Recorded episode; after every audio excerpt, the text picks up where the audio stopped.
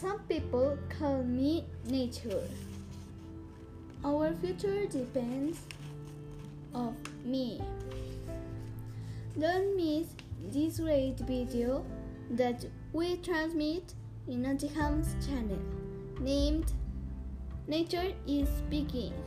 The question is Are we ready to evolve with care?